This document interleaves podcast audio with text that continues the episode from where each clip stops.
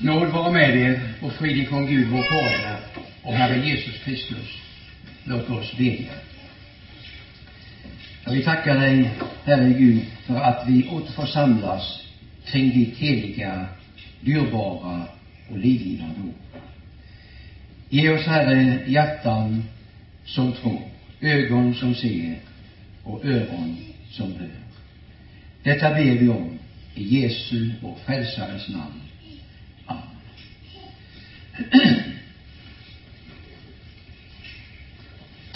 Jag kunde inte stå emot frestelsen att köpa den här söta blusen. Jag kunde inte stå emot frestelsen att ropa in den här lilla saken på auktion. Och på annars kuriosa så kunde jag inte stå emot frestelsen utan köpa den där lilla söta prydnadstallriken. Ja, så där kan vi uttrycka oss ibland. Men sådana saker är ju, när allt kommer omkring, egentligen ganska oskyldiga.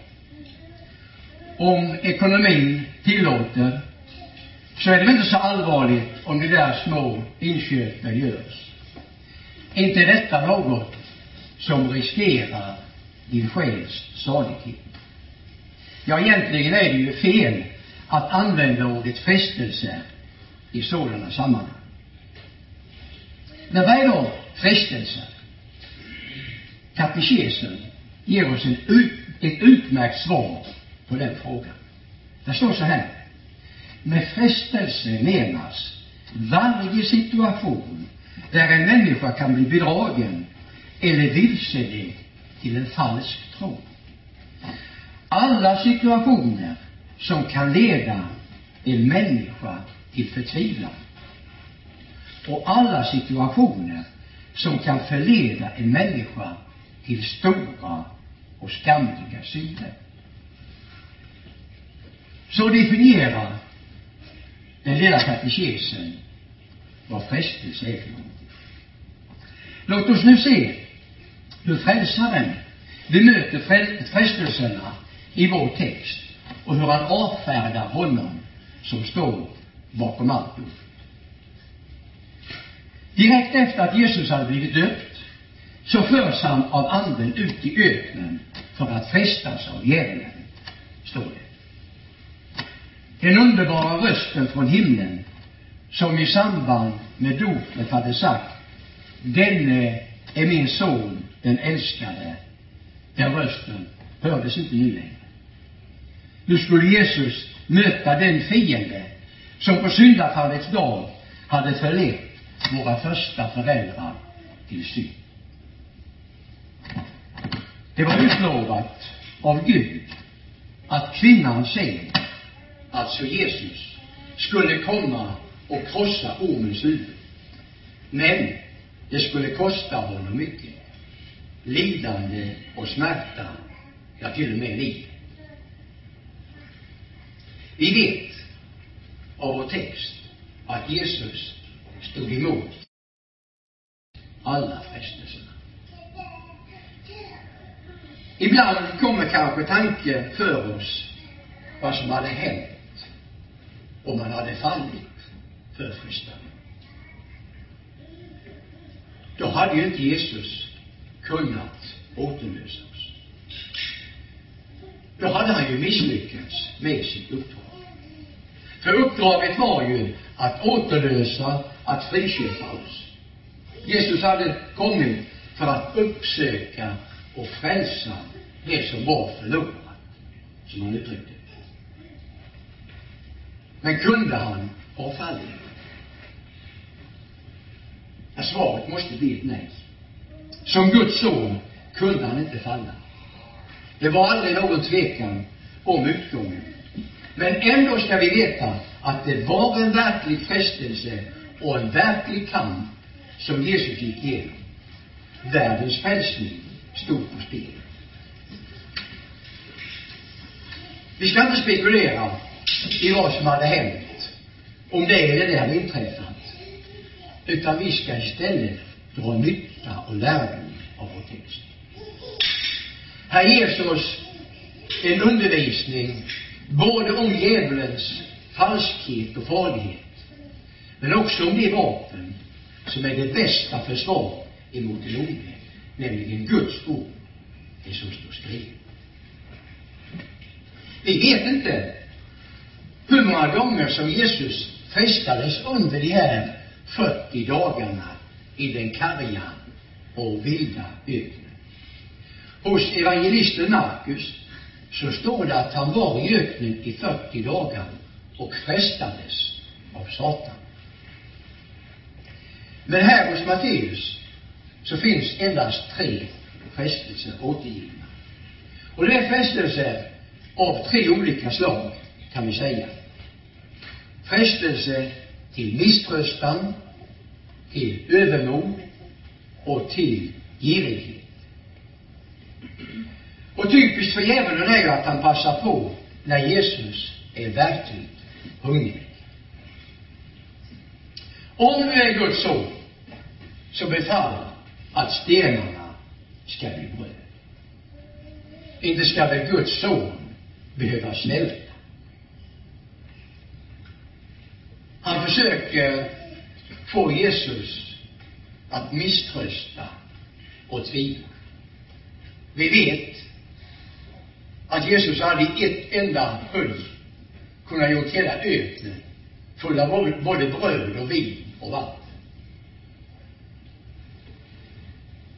Den onde, han ville få Jesus att använda sin skaparmakt för att ta sig ur en svår situation. Att ta fram sina messianska egenskaper och förmågor. Men det var ju som människa han skulle frestas och bestå provet. Det var inte som Gud. Aposteln eh, Jakob säger, Gud frestas inte av det onda. Och vi ska lägga märke till att Jesus använde aldrig vid något tillfälle sin gudomliga makt till sin egen fördel, utan endast i sådana fall där det gäller att hjälpa och vara till nytta för andra människor.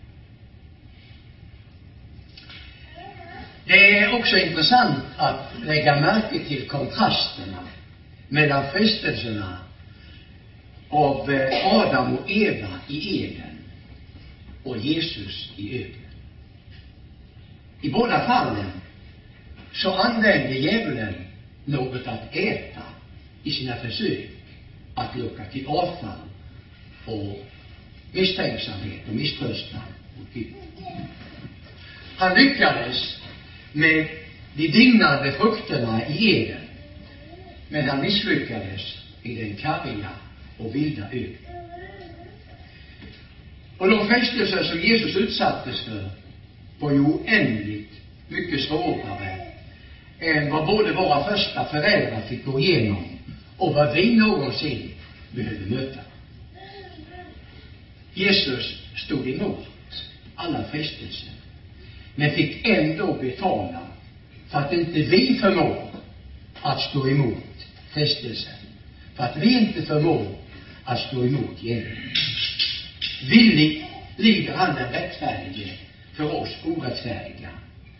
Ja, genom hans sår blir vi helade, som profeten Jesaja uttrycker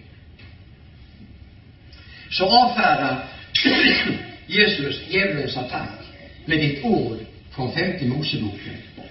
Människan lever inte bara av bröd, utan av varje ord som utgår från Guds mun. När man hör dessa ord så kommer man tänka på vad Jesus säger hos Johannes. Min mat är att göra hans vilja som har sänt mig och att fullborda hans verk.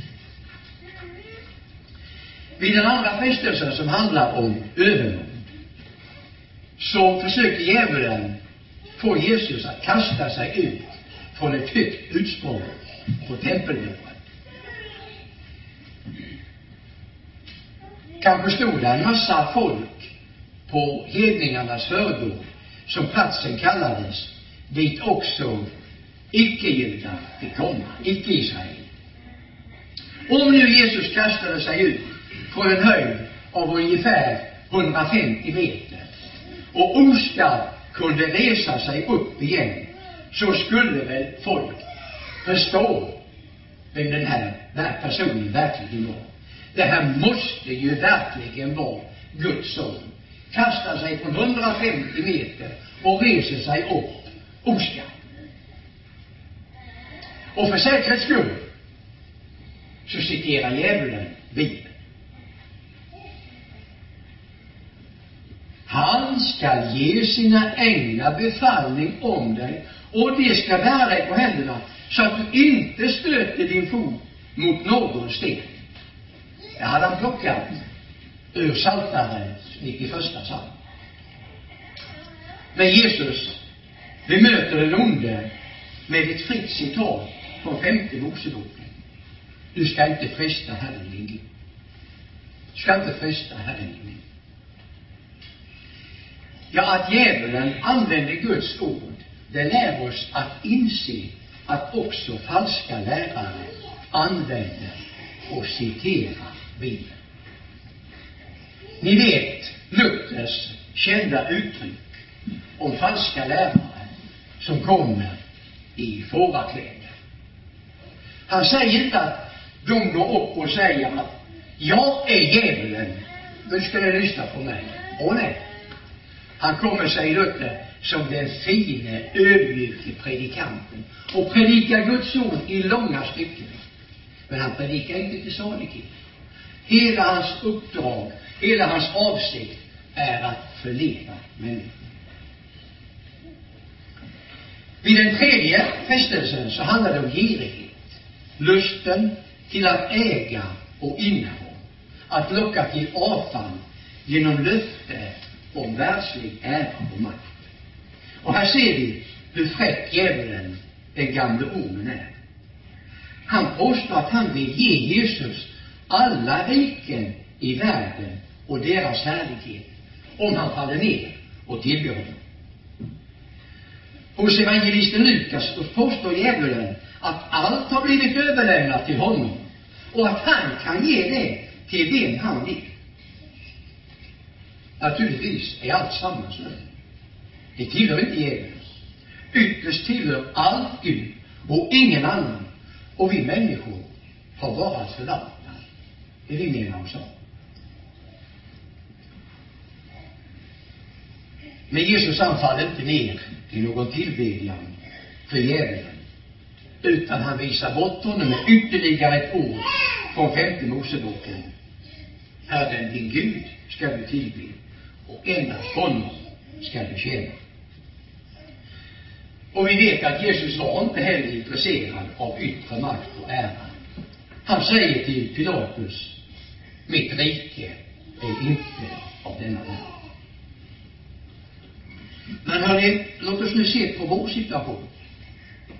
På vår ställning och vår förmåga till att stå emot den onde själatiden. Vår belägenhet är ju den att vi är syndare alltifrån moderliv. Vi har ingen som helst egen kraft till att bemöta den onde. Vi är födda i synd och i synd har våra mödrar avlat oss. Det där skriften klart och tydligt. Om Jesus kan sägas att han är innerst inne god, ja, på alla sätt godheten själv, godheten personifierad. Han var evig i tanke, ord och gärning. Tänk er det, hörni, att inte ens i tanken syndade han där i öknen.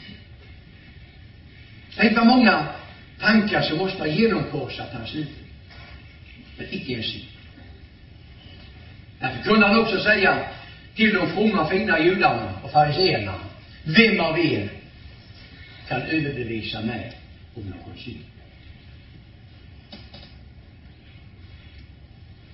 Men vi, hörni, om dig och mig så gäller att vi är innerst inne onda. Det är vårt, det är resultatet av vårt medfödda syndafall. Om trädet är ont, så är också frukten ond, säger Jesus. Så är det av naturen med varenda en av oss. Och därför måste vi bli omskapade till goda träd. Det är först då frukten kan bli god. Och detta omskapande, det sker bara genom evangelium i ord och sakrament. Och det är endast genom Guds stora nåd och barmhärtighet som vi sker. Det finns ingenting, ingen bevekelsegrund hos oss som är upphov till detta. Det är enbart Guds blotta nåd och barmhärtighet för Kristi skull.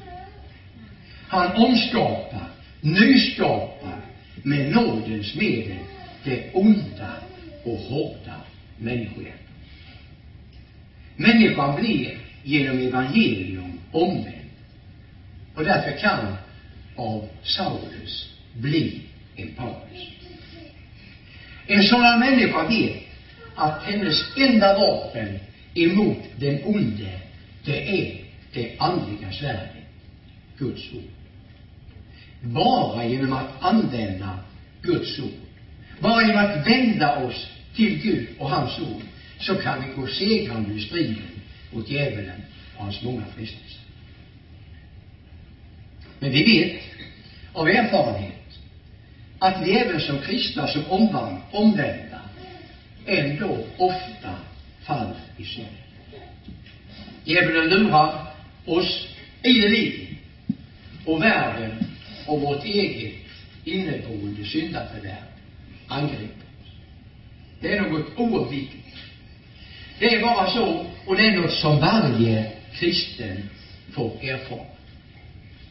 Och vi ska inte inbilla oss att det blir bättre och lättare med åren. Vi bär den gamle Adam med oss. Och han vill inte bli omvänd. Vi ska inte tro att du blir mindre frestad ju äldre du blir. Visserligen slipper du kanske ungdomens många frestelser och faror. Men precis som varje ålder har sitt goda och sina möjligheter, så har också varje ålder sina frestelser. Du kommer aldrig att under detta jordelivet bli så helgad att du slipper synd. Och det är kristens största sorg och bekymmer att hon så ofta syndar på så många sätt emot den Herre och Frälsare som har gjort så mycket gott för henne. Men här inser vi hur rätt Lina Sandell skriver i sitt fina sammanhang. Ty här på denna jord är synden ner i allt och ger åt allt det sköna är främmande i stan. Kära vänner, denna söndag har vi betraktat hur djävulen angriper vår frälsare. Men vi ska veta djävulen är en loser. Han är en förlorare. Jesus övervinner honom. Också vi angrips av den onde själafienden som vi har talat om. Men vi ska lyssna till Jesus och vi ska lära honom. Och precis som Jesus så ska vi alltså använda hans ord till vårt liv. Vi ska använda det som ett svärd emot den onde till att slå ner alla hans angrepp när han vill lura och förleda oss. Men vi får också använda ordet till tröst och uppmuntran. När vi har syndat så får vi bekänna våra synder. Och då heter det, om vi bekänner våra synder så är han trofast och rättfärdig så att han förlåter oss våra synder och renar oss från all orättfärdighet. Vilka underbara ord för ett sargat hjärta. Hör ni? Om vi bekänner våra synder, ja, då är han trofast. Och han förlåter oss alltså. Vi har löftet att den som kommer till honom ska han aldrig kasta ut. Du och jag får komma med vår syn till honom och veta att han vill att vi ska komma. Ja, att vi till och med är välkomna till honom. För att han vill ge oss sin salighet, glädje, frid och förlåtelse. Att han står där som Fadern i liknelsen om den förlorade sonen och väntar på dig att få sätta den gyllene ringen på ditt finger och ställa till med en stor fest för dig. Kom till mig, ni alla som arbetar och bär på tunga bördor, så ska jag ge er vila. Ja, låt oss gå till Jesus. Det innebär att vi med tro och tillförsikt och förtröstan lyssnar till honom och hans ord. Ja, låt oss skynda till Jesus, frälsaren kär. Se i sitt ord han vägen oss lär. Och mitt ibland oss står han ju här, ropande vänligt, kom. Saligt, saligt skall det bli förvisst, när vi är rena från all skuld och brist. Alla tillsammans mötas till sist hemma hos Herren Gud. Amen. Jag lovar vare Gud och välsignad i evighet. Som med sist, sitt ord tröstar, lär, förmanar och varnar. Hans helige Ande stadfäste ordet i våra hjärtan, så att vi inte blir glömska heller, utan dagligen tillväxer i tro, hopp, kärlek och tålamod intill änden och blir saliga. Genom Jesus Kristus, vår Herre och Frälsare.